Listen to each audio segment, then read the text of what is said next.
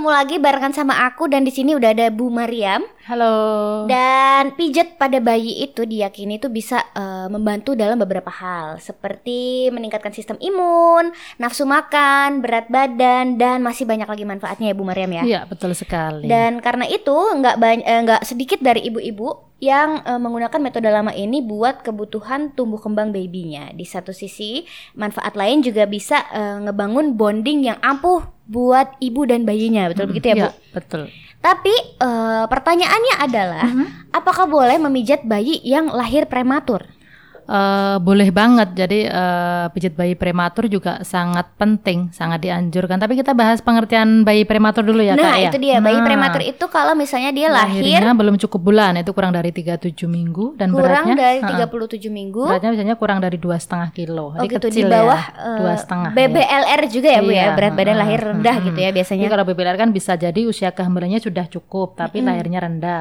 Okay. Kalau yang prematur usia kehamilan juga belum cukup. Oke, okay. uh, bayi yang lahirnya prematur itu apakah hmm. uh, pasti organnya belum siap atau seperti apa? Uh, belum tentu juga tergantung nanti usia kehamilannya ya. Oh gitu. Nah, ada beberapa kasus kemarin di klinik saya datang itu uh, lahirnya di 31 minggu, mm -hmm. 32 minggu dan beratnya ada yang paling kecil kemarin itu 900 gram. 900 gram yeah. bahkan nggak nyampe sekilo. Uh -uh. Itu dia lahir di minggu ke? Uh, di 31.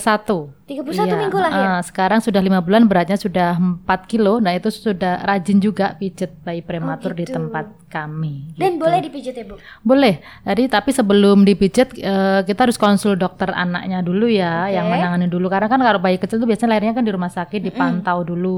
Tapi kalau udah siap karena uh, bayinya kemarin itu sebetulnya sudah pulang juga. Mm -hmm uh, udah boleh pulang organ-organnya dinyatakan sehat.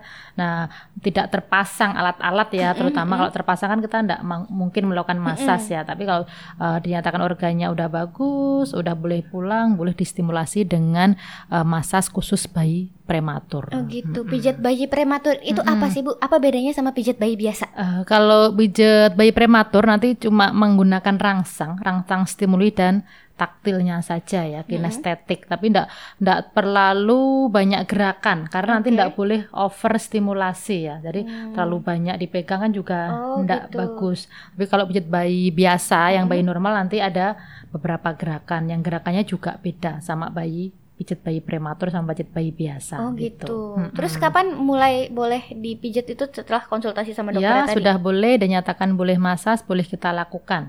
Oke. Okay. Uh, uh, jadi maksimalnya sebenarnya idealnya itu sehari empat kali. Jadi mm-hmm. manfaatnya banyak ya untuk meningkatkan berat badannya karena sudah terbukti banyak mm-hmm. ya di tempat saya tuh yang bayi prematur itu uh, dengan terutama dengan asupan nutrisinya juga lah ya mm-hmm. memperhatikan di masa itu juga meningkatkan berat badannya. Sampai ada yang kemarin tuh lahirnya satu satu kilo sekarang udah satu tahun lebih itu alhamdulillah itu uh, tumbuh kembangnya bagus jadi tidak terlihat tidak terlihat kekurangan kayak bayi-bayi kadang kan ada yang prematur oh ini karena usia kehamilan usia koreksinya baru segini hmm. tapi ternyata karena rajin distimulasi juga dia satu tahun satu bulan udah jalan juga padahal lahirnya 1100 oh, itu juga iya. ada iya. jadi Mm-hmm. Uh, itu salah satu manfaat dari mm-hmm. pijat bayi prematur. Mm-hmm. Mungkin kalau nggak dipijat mungkin nggak seperti itu gitu ya bu ya. Mm-hmm. Boleh uh, tidak bisa dibilang itu juga, mm-hmm. tapi kan namanya juga kita menstimulasi dia okay. organ-organnya biar bekerja, saraf-sarafnya biar bekerja. Jadi salah satu gitu. tujuannya adalah dengan mm-hmm. juga uh, menstimulasi untuk, untuk, untuk menstimulasi tumbuh kembang bayinya. Gitu. Terus okay. ada manfaat lain lagi mungkin? Uh, meningkatkan kualitas tidur. Uh, kan okay. tidurnya jadi nyenyak ya Oh iya, bener iya. kalau bayi habis dipijit tuh biasanya bobonya jadi enak, capek-capeknya hilang iya. kali ya Bu ya meningkatkan imunitas juga, okay. meningkatkan kalau apalagi yang masa seorang tuanya meningkatkan bonding attachment juga, hmm, betul, kan skin betul. to skin, jadi rasa hangat, sirkulasi udaranya, oksigennya di tubuh bayi makin hmm. lancar, otomatis dedeknya makin sehat. Bener-bener gitu. makanya uh, hmm. kalau misalnya dulu waktu zaman uh, hmm. bayi kan saya sering beli produk-produk bayi kayak bedak dan segala macam, hmm. terus ada sampai dikasih, iya ada ya. video ha, segala macam, tutorial ya. gimana memijat bayi, ternyata segitunya manfaatnya. Iya. Kalau dulu aku hmm. mulai mulai dari lahir hmm. sampai kira-kira usia berapa? dia udah bisa berguling tuh umur berapa ya lupa deh empat enam bulanan biasanya udah lima lima empat gitu. bulan kayaknya udah nggak mau anak saya oh gitu iya ya? biasanya tuh setiap hari setiap mm -hmm. uh, mau mandi pagi saya pijat dulu mm -hmm. gitu karena Sampai, dia udah pengen lari-lari ya, iya, pengen guling-guling gitu. betah, dipijat udah nggak betah. Jadi bonding lah selagi bisa mams ya dengan memijat anak okay. gitu.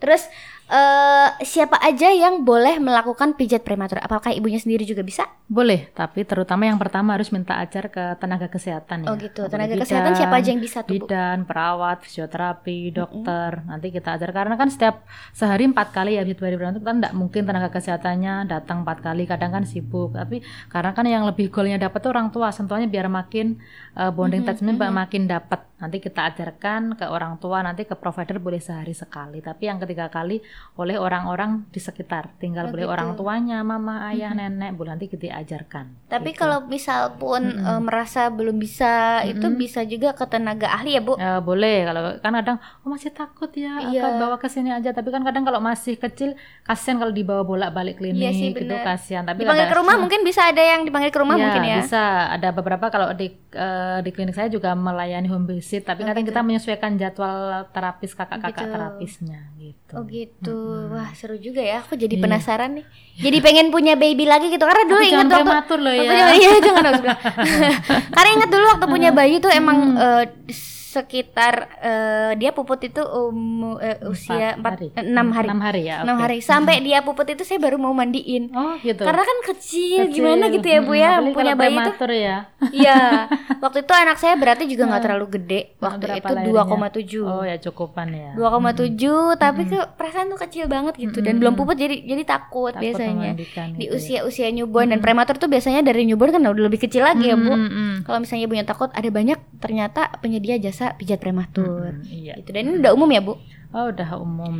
Jadi tapi yang jelas kita harus uh, ke tenaga kesehatan uh, atau tenaga yang terlatih yang terdidik ya. Soalnya okay. uh, eh, kalau yang asal-asalan mohon maaf nanti takutnya tidak kan ini kan riwin sekali ya oh, bayi iya, prematur iya, bener -bener. itu. Jadi jangan uh, kedukun bayi gitu uh, ya Bu ya. Iya, kalau kedukun ke, bayi ke kesehatan takutnya nah. Nah, uh, takutnya ada beberapa yang tidak uh, dimengerti iya, gitu secara uh, medis. Uh, dan sangat beresiko mams jadi hmm. jangan bermain-main hmm. dan jangan coba-coba iya. uh, sama anak sendiri iya terus bu hmm. uh, apakah ada pantangan dalam melakukan pijat prematur jangan uh, apa gitu yang penting dedeknya udah dinyatakan sehat tuh mm -hmm. udah boleh. Ini kalau mijat itu usahakan jangan pas dia ngantuk. Jadi tidak oh. boleh pas hanya membangunkan dia untuk masas. Nah, oh, kadang kan gitu. kan rewel mungkin anak uh, si kakak dulu pas di masas rewel tuh pas pas dia ngantuk. Kayaknya sih nah, ngantuk. Tapi dari, kadang kita harus uh, menyesuaikan jadwal sama si tempat mm, baby spanya gitu. Mm, jadi kan jam-jam dia ngantuk nggak bisa. Mm, jadi bang nggak boleh pas ngantuk, mm, pas lapar karena dia akan memicu dia nggak nyaman. Mm, nah, gitu. Otomatis dia nanti rewel.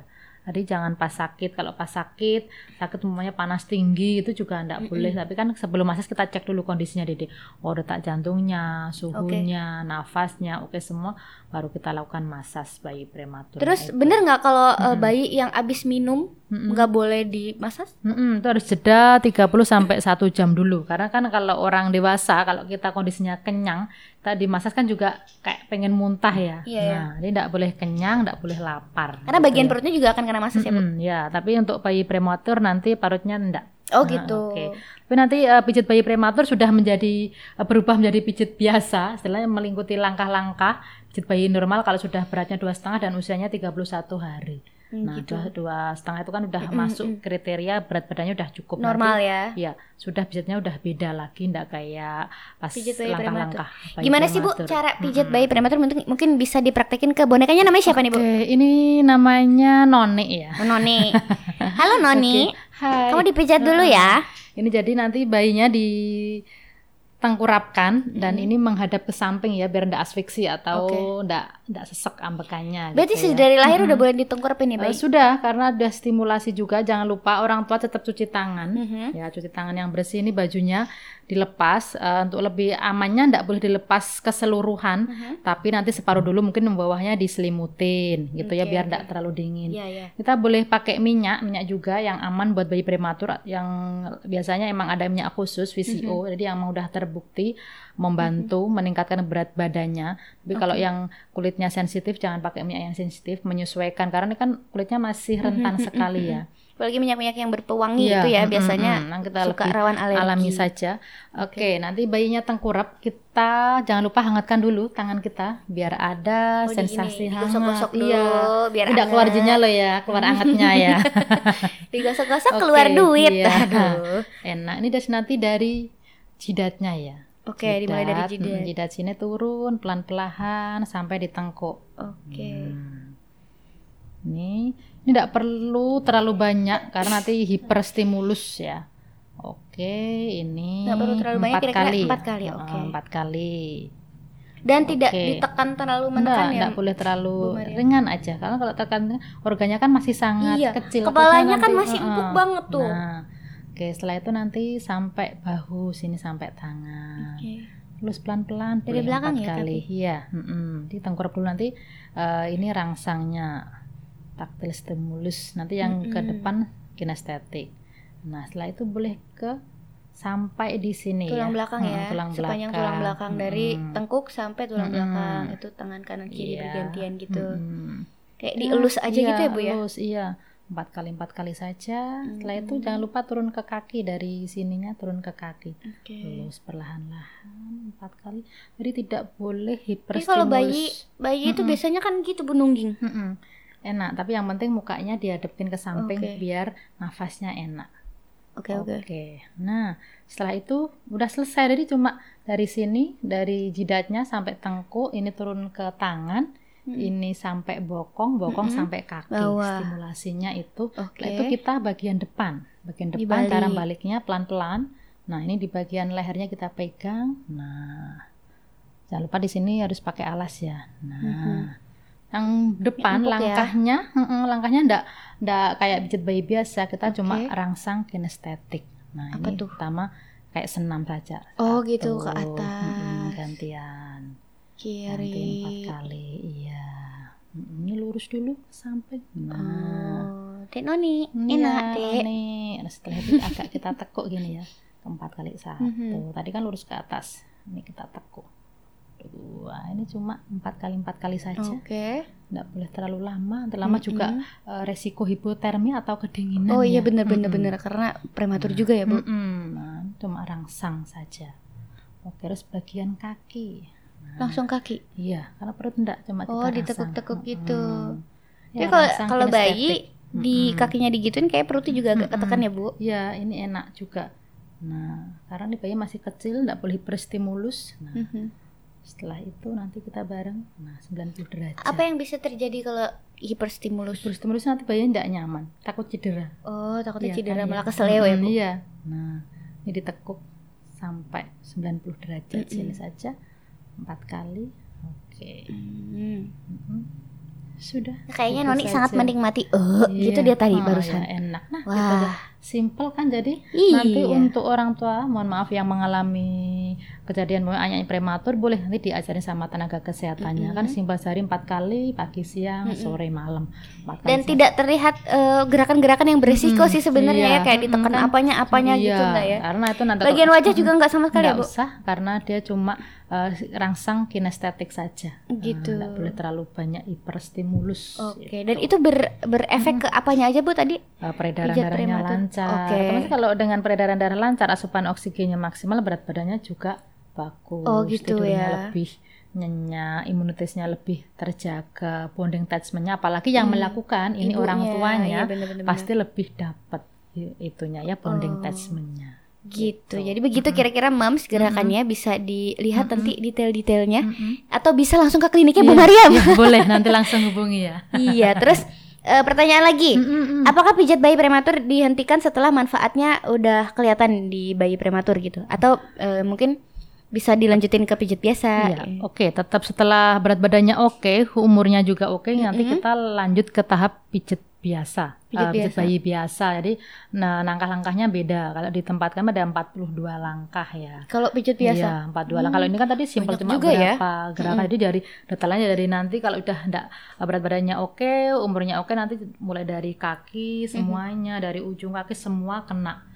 stimulasi. Dibilang Gitu. eh, pijat prematur sudah berhenti itu berarti setelah berat si anak ini berapa? dua setengah dan umurnya udah lebih 31 hari ya. Jadi biar satu bulan uh, satu dan dua bulan, setengah minimal dua setengah. Iya, dua setengah. Tapi kalau uh, udah lebih dari dua setengah, oke. Tapi kalau masih sudah dua setengah nih, tapi belum ada eh, tiga 30 hari, nanti tetap kita pakai metode prematur Oh, dulu gitu. biar tidak hiperstimulus. Karena Oh, nanti kalau gitu. bayangin ya bayi sekecil gini langsung kita masas pakai metode yang biasa kan stimulusnya banyak. Takutnya malah pembuluh-pembuluh darahnya, saraf-sarafnya malah over ya. gitu. Heeh, di kerjanya malah over di sini. Oh gitu. Hmm. Terus ada catatan khusus lagi mungkin soal eh, pijat bayi prematur untuk mams di rumah? Mm. Oke, jadi untuk mami di rumah jangan pernah takut mencoba. Yang penting nanti eh, komunikasikan dulu dengan tenaga kesehatannya, Betul. minta diajarin dulu. Jadi nanti bisa praktek di rumah. Jadi sehari nanti empat kali boleh dikerjakan oleh ayahnya, mamahnya, neneknya, dan oleh tenaga kesehatan. Kalau masih takut, oke nanti minta tolong ke klinik saya juga boleh. Sehari empat kali ke kliniknya Bu Bu Mariam ya. Tapi Iya. sehari empat kali itu ada jeda waktu mungkin? Boleh jadi Biasanya? kalau eh, pagi, siang, sore, malam. Oh gitu, kayak minum obat ya. Iya. Berarti pagi sebelum mandi Eh, mungkin sesudah, karena sesudah mandi Oh ya. sesudah Iya. mandi, tapi ber- ber- berminyak nggak apa-apa tuh Bu? Iya, karena eh, ya itu kita tadi pakai minyak yang nyaman. Mm-mm. Nah, kayak kita kalau pakai krim malam itu loh, Kak, kalau kita habis pakai krim malam tapi harus dicuci muka kan enggak. Iya Nah, sih bener-bener. Nah, jadi kalau alangkah lebih bagus kan segala pijat itu setelah mandi karena Oh, kita juga gitu. menggunakan eh, minyak-minyak yang aman jadi biar meresap. Jadi topikal terapinya dapat masuk ke tubuh makanya eh, dimasukin jadi peredaran Mm-mm, darahnya kan mm. buka dimasukin minyak jadi lebih hangat lagi. Oh gitu, betul. Mm-mm. Jadi pagi, siang, sore, Sore, malam, malam, jangan lupa tidur. untuk kasih jeda sama minum. Mm-mm, iya. minum susu Jadi atau biar- eh, ASI ya. Penting jangan langsung oh ujuk-ujuk ini habis minum dipijit aja nanti muntah resiko. Biasanya muntah gumoh ya, Bu? Ya, gumoh. Jadi emang jeda minimal 30 sampai 1 jam baru boleh dimasas. Oke, seperti itu Mams. Semoga bermanfaat dan sampai jumpa di eh, Mams Talk episode berikutnya. Dadah. Dadah.